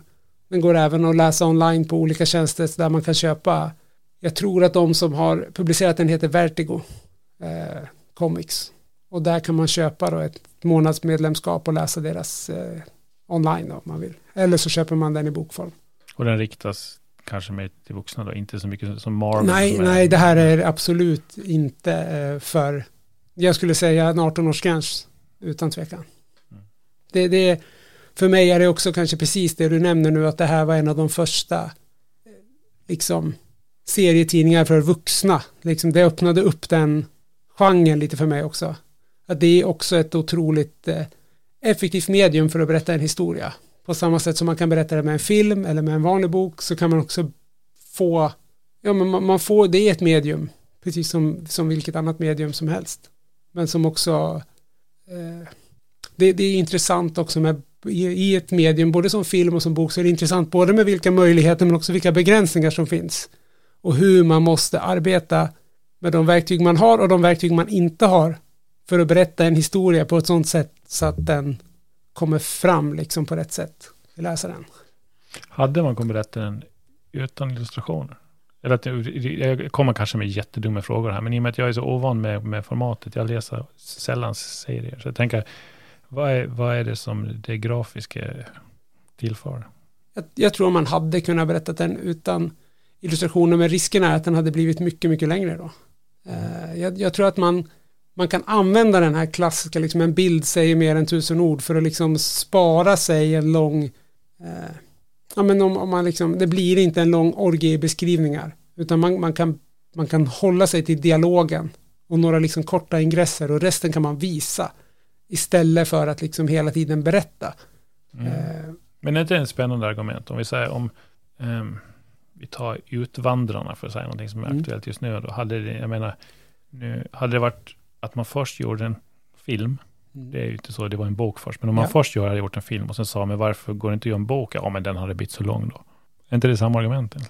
Jo, det är det, det är det kanske, men, men det kan ju också i och för sig vara en, en fråga om styrning med. Man, man kanske inte, man kanske vill lämna visuella bilder hos läsaren också mm. och inte lämna Alltså det finns ju en styrka i att skriva en bok där du kan lämna mycket till tolkning. Men vissa saker kanske inte man vill lämna till tolkning. Vissa saker kanske man vill visa på ett sätt som det inte går liksom. Jag, jag vill vara försäkrad om att det som du får till dig här av min berättelse det är, det, det är den, den visuella bild som jag vill att du ska ha. Mm. Det, det, finns ju definitivt en styrka i att lämna någonting vakt genom att skriva en vanlig bok. På, sam, på samma sätt som om man gör en film istället så visar man ju eh, men, men då tar man ju över ännu mer. Då, då, berättar man ju även hur alla låter. Man berättar liksom eh, intonationer, allting. Här lämnar man vissa saker till tolkning och andra saker är, är hårt. Liksom. Det går inte att rucka på. Så det är väl grader av hur mycket man vill eh, låsa in sin mottagare i sitt budskap också. Mm. Nu sätter det i heta stolen här, men det är för att jag är så intresserad. Ja. Och då, om, vi, om vi nu ställer frågan samma, hade du velat sett Enders Game som eh, serie? Den finns som serietidning också. Ja. Uh, svårt att säga i och med att jag läste boken först. Ja, just det. Mm. Uh, då krockar dina bilder med kanske... Det, det krockar. Ja. Men, men uh, ja, den, den, den funkar definitivt bättre som serietidning än som film. Mm. Och det är för att det är mycket av det som händer som händer inne i karaktärers huvuden. Och i deras liksom, som jag försökte förklara här när jag sålde den här förut, att det är lika viktigt vad som inte sker och varför det inte sker som vad som sker. Och det är nästan omöjligt i en film att förklara det som inte sker. Mm. Det är ingen som, som vill sitta och titta på en film där hälften av filmen beskriver saker som vi inte ska se. Det, det, är liksom, det, det går inte. Mm. Det är in, Invisibles. Mm. Av Grant Morrison. Spännande. Han har också skrivit mer lättillgängligt material om man bara vill prova på hans eh, hens berättarteknik. Bland annat All Star Superman som är erkänt som en av de bästa Superman liksom, historierna. Mm. Det är väldigt eh, ikonisk. Det är många, efter att den skrevs så är det väldigt få som tolkar Stålmannen utan att färgas av den take som han liksom gjorde på, mm. på karaktären. Okej, då kommer vi till min sista. Um, och den här kräver, jag måste börja berätta om själv författaren. För det, så här är jag ska berätta om, om en bok som eh, gav mig mycket som heter 12 Rules for Life, eller 12 livsregler, ett motgift mot kaos, skriven av Jordan B. Peterson. Och om man tror statistiken nu, så bara att jag säger hans namn så har, eh, så har eh, flera lyssnare stängt av nu och, och, och, alla kvinnor har definitivt slutat. De tänker att den här avsnittet går inte att lyssna på. Um, det är om man följer det, det, som det uppbådet det finns runt om, om, om Jordan. Um, en älskad och hatad person, en sån här svartvit mm. uh, i, i människors åsikter. Jag, jag, vill, jag måste nästan börja med att låta hemskt att säga ursäkta sig. Men New York Times uttrycker han som den mest inflytelserika intellektuella tänkaren i västvärlden just nu. Eh, inflytelserik tycker jag är svårt att sätta, för det har ju beroende, det är lika väl som kan jag ta åt mig den här boken om inte jag har förtroende för författaren? Jag, jag hävdar att jag kanske inte kan det riktigt då. Och speciellt då när han väljer att döpa den till livsregler. Det är lite alltså, budord. Det man måste ha, ska vi ta något bibliskt igen här då, så, så måste man ha förtroende för, för Moses när han kommer ner med lite stenplattor. Eh, för att ens kunna tro på att det han sa hände uppe på, ja. på det här berget. Och, och, och pratar nu, vi svart och vitt så är ju regler, det, det är ju ganska svart och vitt. Alltså det här är... Ja, reg- jo, jag kan tycka, jag har lite, är anti att han, att han döpte boken till regler. För det, nu är det okej för mig, för jag gillar han. Jag tycker att han är en av de intelligentaste rösterna i mediebruset. Jag säger inte inflytelserika, men jag säger de intelligentaste rösterna i mediebruset. För mig har han varit det. Och kanske är också den mest missförstådda. För han är väldigt, väldigt intelligent. Eh, och, och ger sig på att förklara saker som är så komplexa. Och, och då har han ju gett sig in i, i ganska minerad mark såklart. Eh, när han pratar män och kvinnor och så vidare. Där han, det är där han har gjort sig känd mycket på. Där han pratar feminism och eh, pay gap och, och försöka ge en, en nyanserad förklaring på, på hur det kan vara att män och kvinnor tjänar olika. Och det, det är ganska otacksamt, för jag tror inte man vill ha en lång komplex förklaring. Det är som att det kan bero på tolv olika saker. Och man vill, man vill gärna bara säga att ja, men kvinnor och män, det är orsaken. Man, det känns som att vissa vill inte riktigt lyssna vidare, utan det här är orsaken och vi måste, vi måste bekämpa det. Där han då ger sig in och säger, ja men för att kunna bekämpa det så måste vi kanske veta exakt vad problemet är också. Och så börjar han att problematisera det, eller själva bilden. Och det är det här någonstans som du känner, men då är, då är han emot feminism. Jag har nog inte hört han sagt någonting egentligen som jag inte håller med om. Det är det som är problemet. Jag tycker att han är intelligent och jag tar tid, och, men det tar tid att lyssna på honom och det tar, det tar tid att läsa hans böcker. Och jag tycker att han är bra. Det finns en sån här Instagram Men då, Ja. då bryter jag in med en fråga då. Kan du, kan du förstå de som stänger av? För att ko- koppla tillbaka på det liksom. Jag Kan du för- förstå ja, de som säger så här att nu orkar inte jag mer av det här. Det här är typiskt bara Ja, liksom dravel. Han försöker bara rationalisera någonting som inte är korrekt. Jag, jag kan förstå de som kopplar av, men jag kan inte förstå de som kopplar av i, en, i någon form av rage quit med, med påhopp och, och, och förenklingar. Det, jag, det är svårt. Jag förstår bara, nej men vet du vad, jag är inte... Jag har min bild av det här och, och där avviker jag. Tack för mig. Det, det har min respekt. Det som inte har min respekt det är ett eh, exempel. Då. på Instagram finns ett konto som heter Arga bibliotekstanten som många följer. Det lägger ut massa roliga grejer. och grejer. Och det, någon gång där, ett år sedan, två år sedan, jag kommer inte ihåg, så, så, så skrev då, då så här, skriv den senaste boken du läst. Och då skrev jag liksom, eh, nu i efterhand var det ju dåligt, men nu jag, förstår jag sen att jag skrev att jag hade läst Jordan Peterson. Och här börjar liksom de värsta påhoppen som jag någonsin upplevt på sociala medier. Ever. Det var, ehm, jag, de, det var en massvis med personer som, som kommenterade just min kommentar. Och sa att jag skulle bränna boken, jag skulle bränna huset, alla som bodde i, i, i mitt hus. Och, och eh, jag, jag kunde avsluta med att gå och hänga mig själv. Det var alltså, och det här är vuxna människor. Som, som i och med att jag skriver att jag, att jag har läst den här boken så skulle jag bränna mitt hus som mina barn.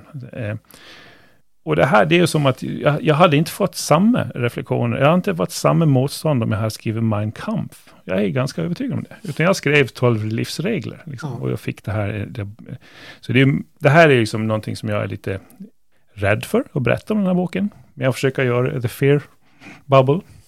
Nu är vi mitt inne i den snart, snart så, så Mm. kommer jag berätta vad som är bra. Då kanske vi... Du som, kört. du som fortfarande lyssnar, tack. Ja, jag kanske stormar ut. Du kanske gör det. den. Du Ja. kanske gör det. Ja, nej, till boken då. Den, den, är, den är skriven lite som budord, men utan några eh, religiösa inslag så att säga. Den, den, det är tolv stycken livsregler som, som Jordan då vill att man ska försöka läsa, leva efter. Det, det är inte för någonting annat än att för att kunna nå den mest optimala versionen av en själv. För, för en själv och för sin omgivning och så vidare. Och de är skrivna ganska simpelt, alltså så simpelt så att man tycker att det är nästan lite fånigt. Det är så här, den första regeln är stå rak i ryggen och skjut bak axlarna. Man, man, man förstår inte det när det bara står så. Sen börjar man läsa och då, alla de här reglerna har fast samma inledning. Det börjar med några personliga anek- anekdoter och sen så går det ner på, på, sen hämtar han lite från forskningen och i det här fallet så har det med serotonin att göra och, och, och hur, man kan, boosta självkänslan och göra en fake it till you make it och, och att det ger skillnad på kropps, hur, hur man står. Liksom. Och det, alla de här reglerna har sånt. Det börjar så att man knappt förstår det och sen så kommer ganska ibland lite roliga, intressanta små anekdoter och sen kommer forskning och sen så avslutas det med ofta med, med någon form av insikt som gör att det blir, varje sån här blir tung. Du kan nästan läsa om ett kapitel bara för att riktigt eh, förstå det här. Och sånt, jag gillar det, när man kan läsa någonting och tänka på det länge sedan.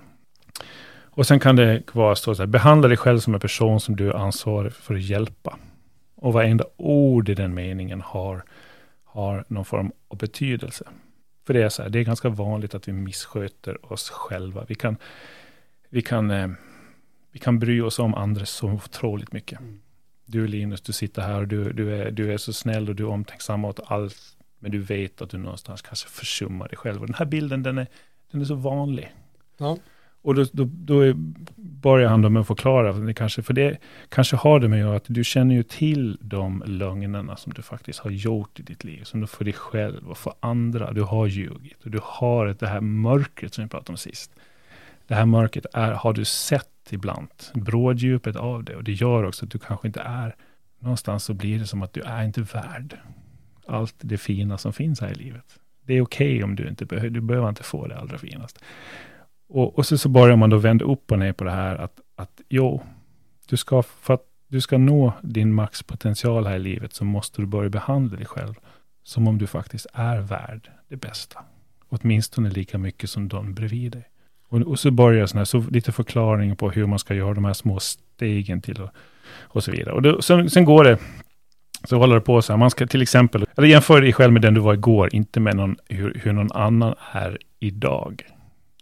Och så är det en lång djup förklaring på det. Och varför man ska jämföra sig. Den enda människan man någonsin i hela sitt liv ska jämföra sig med, det är vem jag var igår. Och kanske hitta en enda liten förbättring någonstans. Istället för att jämföra sig med någon helt annan person. Som är på en helt annan bana i livet, på en annan plats. Varit med om andra saker. Ja, det, och som sagt, under varje kapitel finns det massvis med läsning och massvis med grottningar. Och du kan, jag kunde ta till mig allting här. Mm. Eh, ner på sån här jättesvåra saker som först låter jättefånigt bara. Stör inte barn som åker skateboard. Det är ett helt kapitel. Och så finns det en lång förklaring och till slut så förstår man det. Och så när du möter en katt på gatan, klappa den och så bara katt och klappa. Och så, så börjar man läsa och, och vad det här vill. Och någonstans under allt så ligger det någonting livsdjupt på något sätt. Att man, man ska, det är någonting man ska förstå där. Och då är det så här, man kan läsa den här boken och sen går man ut. Är man då Sen går man ut på YouTube och så kan man söka på det här 12 rules for life och då finns det fullt med föreläsningar som är en timme långa där han då pratar om det här också. Så går han ner ännu mer och utviker det mer och mer och mer det här. Och för mig har den gett fantastiskt mycket. Jag är lite, jag är, jag undrar om jag kanske hade varit en, en annan person om jag hade läst den här när jag var 15. Jag kanske läste den för sent i livet på något sätt. Den kan jag få. Samtidigt, jag vet inte om jag hade kunnat ta till mig den. Och det är också en liten kritik mot Jordan. Kan jag verkligen ta till mig all den här fantastiska livs... Eh, inspiration, eller inspiration, det är eh, livstipsen ska jag säga. Utan den livserfarenheten som jag måste filtrera allt igenom. Jag vet inte det. Jag hade velat gjort som experiment, hade velat gett den här till en 15-årig kille eller tjej. Läs den här och sen ville veta vad som, vad som kom ut i, under filtret. Liksom jag tycker det är lite intressant att du säger det efter din första reflektion där också om, om eh, jag menar nu, nu stereotypar jag fritt här, för det får man. Det här är en mm. å, åsikts åsiktskonversation. Åsikts, åsiktspodden, vi har precis bytt, bytt namn här. ja. Nej, men jag, jag, tänker så här att eh, jag tänker att, att Jordan Peterson, han är väl ändå det låter som, och, och, jag tror att jag har sett något YouTube-klipp med honom, det är ju en, en vit medelålders man. Och det är ju du med. Och det är ju jag med. Eh, och, och, du äter upp den här boken och du, du, du säger det också, med dig som du är just nu så rimmar den, men hur hade den rimmat med mig för 30 år sedan? Hur hade den rimmat med en 50-årig kvinna? Det kanske du såg lite av där på Instagram. Det, det finns de där ja, ja. den här boken inte rimmar överhuvudtaget, utan den här kanske... Ja, men så är det. Och jag, det, det här, den här det säljer till en intended audience som har ungefär din erfarenhet av livet. Mm. Det är liksom så här, en kar karriär, karriärmässigt framgångsrik man i medelåldern som liksom har levt, nu säger jag inte det på något sätt, men liksom ganska liksom så här standard ändå. Mm. Du, du, har liksom, du, du har inte haft någon s- extremt, som jag vet om då, extremt stora kontroverser, du har liksom inte liksom slagit emot strömmen på det sättet. Du- jag säger inte att du inte har levt ett liv utan motgångar, för det har ingen gjort. Men jag kan tänka mig till exempel någon som kanske har varit hemlös eller haft ett drogberoende kanske, inte, kanske tycker att det här är bara att skriva folk på näsan och förenkla. Alltså förstår du, jag försöker Jag, bara jag, förstår vad du säger. måla Samtidigt det andra så, om, perspektivet. liksom. om, jag, om jag läser några, några till då. En, utav, tala sanning eller låt åtminstone bli att ljuga. Mm. Eh, du med, jag tänker den, den, eh, jag kan inte se någon människokategori där den inte funkar. Liksom. Nej, nej, alltså, Så, och, och, vi, kan, vi kan ta en till och sopa rent framför egen dörr innan du kritiserar andra. Ja, hela människosläktet. Jag, jag tycker någonstans, och in, jag säger inte att jag ska ta det i försvar, men jag, jag tror någonstans att jag, vill- jag vill tro att den, den appliceras på mig. Men jag förstår vad du säger. Jag är en vit medelålders man. Karriär, lyckosam, det vet jag fasen. Men, men jag förstår. Alltså, ja. du förstår vad jag... Ja. Men jag, jag säger så här, nu, nu, nu djävulsadvokat är jag lite, Mm. men så här, redan första där, så här, nu, nu är vi, lever vi nu, men säg att du levde för 50 år sedan. Eh, nu är inte den här boken skriven för den publiken, men den publiken finns ju idag också. Du är, du är återigen en vit medelålders man i Sverige på 40-talet, men du är homosexuell. Då skulle jag ljuga. För det blir jäkligt komplicerat. Och eh, om, någon, om någon frågar mig liksom, eh, jag skulle inte bara inte säga, jag skulle, jag skulle säga att jag gillar kvinnor. Även om jag inte gjorde det. Alltså, om, om lite kan jag känna så här att om man, om man kommer från en värld där man inte har, när man är en sån klassisk jag har ingenting att dölja, då har man ingenting att dölja. Då är det jättelätt att säga att det absolut enklaste, det är om alla bara talade sanning hela tiden. Men det kanske inte är självklart för alla i alla liksom livs... Eh, Nej. alla livssituationer. Jag försöker inte på något sätt skj- skjuta ner, men jag, jag ser vart folk kan ha problem med det. Sen Mm. kanske i den här boken kanske inte är det mest kontroversiella han har skrivit, det vet inte jag. Nej, det här, det här folk hatar innehåller honom faktiskt... av andra nej. anledningar, men den innehåller faktiskt inte någonting som jag tycker är direkt kontroversiellt, som, som jag på något sätt, och det finns mycket, på, på YouTube, där hittar man kontroversiellt, Ja. liksom det är i samtalen där, där det brinner till fan ibland. Det här är ju varenda ord är ju väg på våg i, Ja. i, i tusen den, den år. där Så kanske är jätteenkel för alla att ta. jag ta tror, men samtidigt, jag gjorde ett, jag gav den här en, ett exemplar av den här till eh, en eh, kollega som fyllde år, som eh, var eh, medelålders kvinna istället. Som eh, så här födelsedagspresent liksom. Hör lite ljud. Så jag, jag, det finns någonting där. Jag, den kanske inte går hem. Så är det. det. Det får jag bara ta. Eh, jag tycker om den och för mig gjorde den någonting. Jag tror för många, och där, det, som sagt, hans publik är, är ju mestadels killar, yngre killar. Och där har han hävdat att ja, men det är, också, det, är, det är svårt att säga om det är för det han skriver och säger eller om det är för att det är så YouTube ser ut. För det är ju det också. Ja, Det, så det är svårt att säga om det är därför. Som, men oavsett, de som läser och de, de behöver höra det här, det han har att säga. Alltså att, eh, och vi är absolut inte, om man, om man bara når ut till den liksom gruppen och hjälper dem på något- sätt så är det absolut inte någonting som man ska tända eld på sitt hus för. Alltså det är ju en Nej. gärning om någon. nej, och det, det, det är ganska grejer, de, de, de behöver ta, de går ut till eh, och säger att man behöver ta ansvar, du behöver alltså städa upp på ditt, på ditt rum, på din gård. Eh, livet består inte av massa rättigheter, livet består av skyldigheter, livet består av, av, av rakryggad, tala sanning. Alltså det, är- det är ju egentligen sådana här husmoders eh, grejer från 1800-talet Ja. känns det som, som han sätter lite nya ord på, men, men som fortfarande har någon form av värde än Ja. idag. Liksom. Ja, det var sista boken. Eh, jag avslutar med en... Eh, ja, det känns ju som att jag har pratat om Mein Kampf. Men så är det, är det inte. Det, det tror jag inte. Jag Nej. tycker den låter eh, oerhört rimlig. Ja. Även om jag anför lite, men det är för att jag tycker det är friskt att prata, eh, Ja, men det är klart det testa är. olika perspektiv. Ja, men det är klart det är. Och jag, jag skulle vilja prata mer om det här och egentligen det han, det han säger och som jag uppfattar att människor kanske inte lyssnar färdigt på. Jag skulle vilja ha, alltså som jag har ville det länge i den här podden, att prata feminism. Jag, jag tycker vi behöver prata feminism. Och det behöver prata feminism på ett jämställdhetssynsätt. Mm. Eh, där, där jag absolut håller med om att kvinnor och män ska ha samma förutsättningar i livet. Jag, har- jag väldigt mån om mina jämställdhetsglasögon. Men det får inte heller tippa över. Det får inte heller tippa över som att jag nu uppfostrar min son att eh, gå runt med någon form av skuld för att han är kille och därmed ha en inneboende förmåga eller en eh, möjlighet att kunna göra elaka saker mot kvinnor. Att han ska växa upp i den, att det ska kännas så. Att, att det, det vill jag inte heller, bara, bara för att, att, om det slår över åt andra håll. Jag vet, den här, det ska inte vara någon pendel som går hit och dit, det ska vara rakt i mitten, det ska vara jämställt. Och det här skulle jag vilja prata om egentligen ett helt avsnitt om, men det är svårt, det är, det är så laddat. Det är, det... det är extremt, jag, jag tänker tillbaka, nu, nu kastar vi granater. Men jag, nu har det varit en väldig debatt och jag, jag, förstår att man har den debatten. Det här med mäns våld emot kvinnor, barn och andra män också för den delens skull.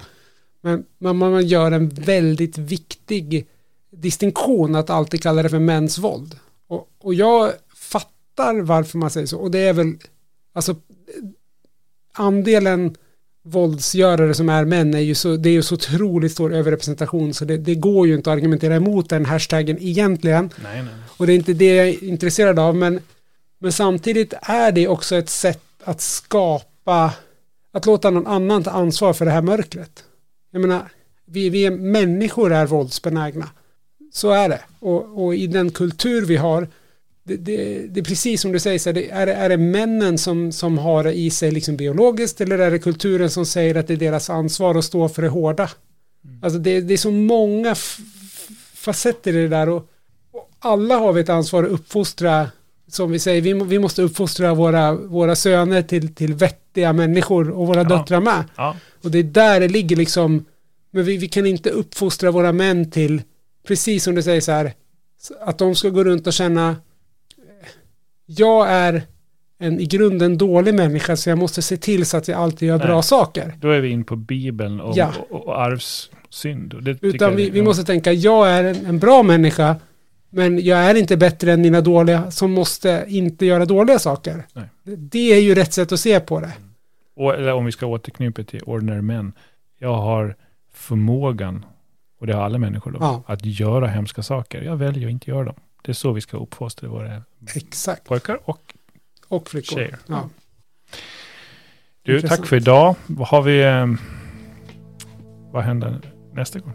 Ja, nästa gång om jag får bestämma så ska vi prata om eh, riktad uppmärksamhet och vår förmåga att hålla riktad uppmärksamhet över tid och hur den förändras med, i det moderna samhället och vad den gör med oss som individer och kanske lite också som konsumenter. Det är en vinkel som jag gillar på det hela.